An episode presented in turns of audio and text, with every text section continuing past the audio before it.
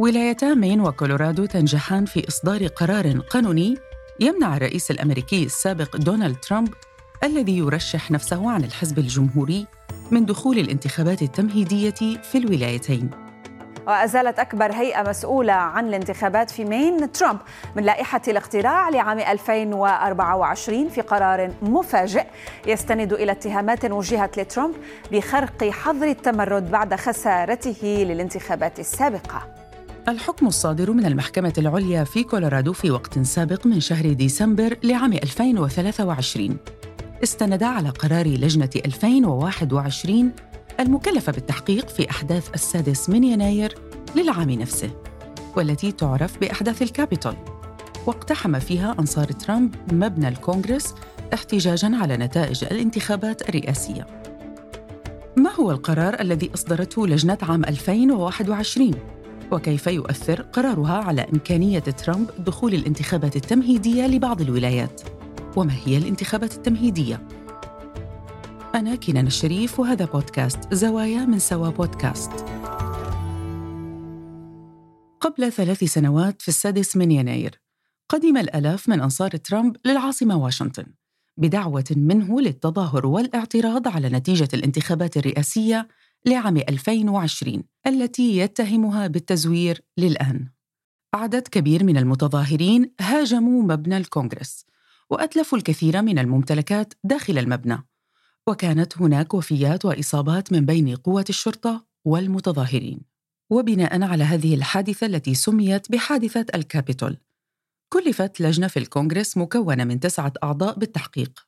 وخلصت اللجنة في تقريرها بتوجيه تهم لترامب وتوصيات لوزارة العدل بتوجيه تهم له أيضاً. بحسب دائما توصيف لجنة الكونغرس لجنة مجلس النواب التي خلصت إلى أن ترامب كان وراء 200 200 حالة من حالات الدعوة وأيضا الدفع باتجاه عمل تمردي مثل ما حدث. هذا خليل بن طويلة مراسل قناة الحرة في واشنطن العاصمة. يقول البند الثالث في التعديل الرابع عشر في الدستور الأمريكي إن كل من يحرض على العصيان أو يساعد أو يسير أو يشارك في أي تمرد ضد سلطة الولايات المتحدة أو قوانينها أو يقدم المساعدة لها أو التسهيلات لها. سيتم بموجب هذا البند تغريمه أو الحكم عليه بالسجن لمدة لا تزيد على ثلاثة سنوات أو كلاهما. بناء على هذا البند صدر تقرير لجنة 2021 بتوجيه تهم لترامب. واستنادا للتقرير قررت ولايتا كولورادو ومين حظر ترامب من دخول الانتخابات التمهيدية سؤالي خليل كيف يتم منع أحد المرشحين للرئاسة من خوض الانتخابات التمهيدية؟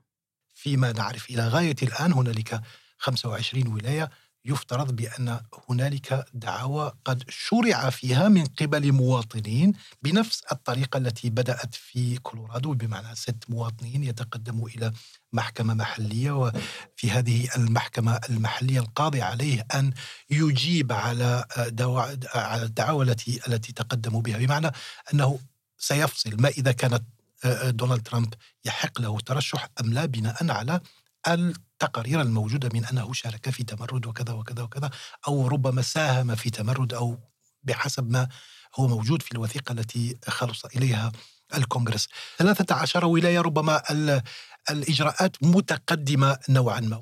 طبعا الستة مواطنين أو ناخبين تقدموا إلى محكمة المقاطعة وطلبوا القاضي بأن يحكم آه، آه، ضد ترامب بمعنى أن يقصيه من الترشح في الانتخابات القادمة. في الانتخابات التمهيدية في الولايات المتحدة تختار فيها الأحزاب السياسية المرشحين للانتخابات العامة في الولايات. كيف يمكن اختصار التعريف بالانتخابات التمهيدية في الولايات خليل؟ الانتخابات الأمريكية طويلة تبدأ بالانتخابات التمهيدية وتنتهي بالانتخابات العامة. الانتخابات التمهيدية في كولورادو ستبدأ في شهر مارس. كل ولاية لها آه، آه، موعد آه، خاص بالانتخابات التمهيدية. للحزب الجمهوري لأن الحزب الديمقراطي أيضا له انتخابات تمهيدية ولكن في العرف الأمريكي الحزب الحاكم عادة ما يفوض الرئيس الحاكم في الولاية الأولى يفوضه دون المرور بانتخابات تمهيدية مثل ما نعرف يفوضه من خلال مؤتمر ويعطيه الضوء الأخضر للترشح لولاية ثانية بينما الحزب الذي يوجد في المعارضة وهو حاليا الحزب الجمهوري سوف يمر بمراحل مفصلية حاسمة جدا في ولايات كثيرة كولورادو واحدة منها. العدد ربما أزيد من 30 مندوب يتوجب أن يتم انتخابهم آه، في آه، شهر مارس في 15 آه، من مارس في كولورادو ليمثلوا نحو 2200 مندوب عن الحزب الجمهوري يجتمعون في النهاية في مؤتمر في مكان ما سيتم تحديده. وهذا المؤتمر الذي يأتي إليه من تم انتخابهم خلال الانتخابات التمهيدية لينتخبوا مرة أخرى واحد من اثنين المصنفان أول وثاني. الناخبون في الانتخابات التمهيدية يختارون أسماء مرشحي الحزب الذين يريدون ترشيحهم. وبعد هذه الخطوة يتم اختيار المرشح من الحزب. وهنا حديثنا عن الحزب الجمهوري. في حالة شطب اسم ترامب من لائحة المرشحين في الانتخابات التمهيدية كما قررت ولايتا كولورادو ومين. كيف سيؤثر على حظوظه في الفوز؟ في حال ما إذا لم يتم ظهور اسم دونالد ترامب ضمن المرشحين السبعة للحزب الجمهوري فإن فإنه سيفقد آه، آه، عدد من الأصوات ربما سيكون 37 أو 36 آه، صوت أو مندوب وهو رقم مؤثر في الحساب العام بالنهاية لأن كولورادو ستذهب إلى المؤتمر النهائي لاختيار من آه، آه، سيترشح ضد الديمقراطيين في النهاية. آه، ربما هؤلاء سيكونوا كلهم من المندوبين الذين لا يساندون ترامب لم ينتخبوا عليه انتخبوا على دوسانتيس أو غيره. فعندما يذهبون إلى المؤتمر سوف ينتخبون بالتأكيد آه، شخص آخر ضد ترامب فهو بالتالي فقد 37 مندوب. بالإضافة إلى ذلك فإن آه، الولايات الأخرى ستحذو حذو بعض الولايات ستحاول أن تحذو نفس آه، حذو ولاية كولورادو. بعد التصويت في الانتخابات التمهيدية ومن ثم اختيار مرشح الحزب من قبل لجنة حزبية يبدأ الناخبون في التصويت في الانتخابات العامة التي تتم في أول يوم ثلاثاء بعد أول يوم اثنين من شهر نوفمبر.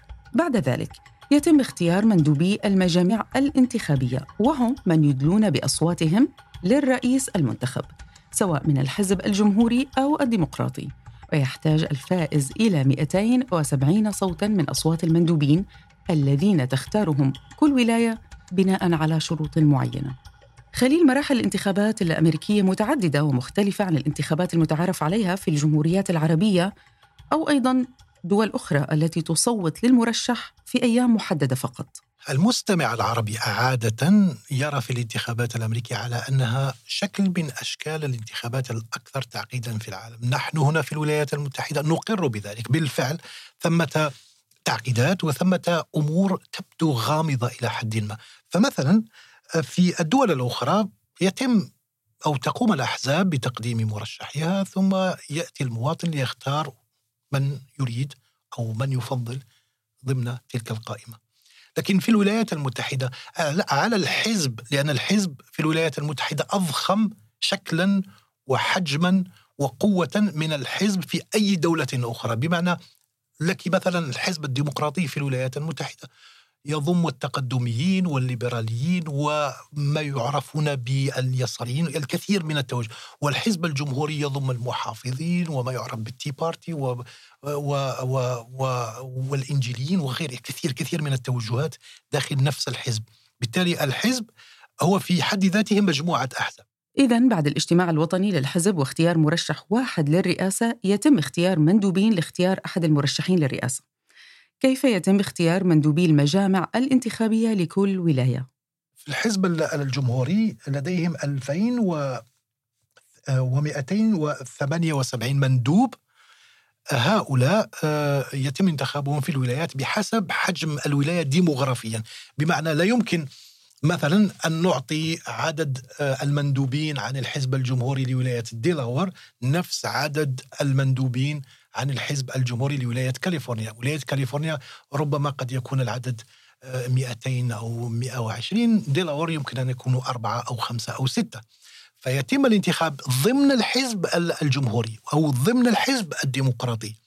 يتم وكل ولاية بموعدها وبتاريخها المحدد.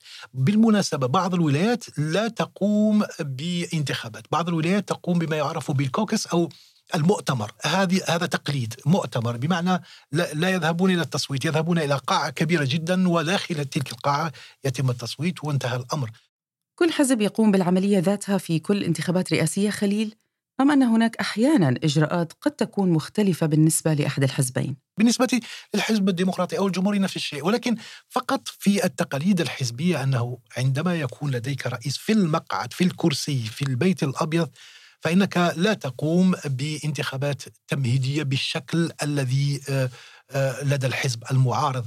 تكون هنالك مؤتمرات أو اجتماعات للتأييد أو المصادقة أو الموافقة أو إعلان إعلان التأييد لأن يستمر رئيسنا مثل ما يقولون كديمقراطيين. نحن مع رئيسنا أنه يستمر لولاية ثانية وانتهى الأمر. هل الإجراء الذي اتخذته كولورادو ومين بمنع ترامب من دخول المرحلة التمهيدية للانتخابات الرئاسية؟ يعتبر سابقة في التاريخ الأمريكي الحديث؟ حصل أكثر من مرة لأن لأن لا نعرف المترشحين آه، إجمالا في تاريخ الولايات المتحدة الانتخابية السياسي لأن الكثير من المترشحين يتم إلغاء أو إبطال ترشيحهم لأنهم آه، آه، لديهم سوابق عدلية لديهم مشاكل أمنية وغير ذلك ولكن هؤلاء لم يكونوا معروفين مثل ما هو معروف دونالد ترامب ولكن لم يحدث أبدا أن آه، رئيس سابق مثل دونالد ترامب أراد الترشح وأقصي بحكم من المحكمة العليا مثل ما يحدث الآن. ولكن وجب التذكير فقط في هذه اللحظة بأن في ولاية نيو مكسيكو كان هنالك مفوض عن الولاية تم إقصاؤه اعتمادا على نفس المواد ونفس التعديل أي التعديل الرابع عشر في المادة الثالثة أقصي من منصبه لأنه شارك أو بتهمة مشاركته فيما وصف بالتمرد و التجمهر وتلك المظاهرات التي شهدها الكابيتول وذلك الاختراق الذي حصل ولكن بالنسبة لترامب الآن المسألة تقريبا استثنائية لم تحدث من قبل ولكن ننتظر أيضا الولايات الأخرى إن كانت ستقوم بنفس الخطوة كيف يمكن أن يؤثر هكذا قرار على باقي الولايات؟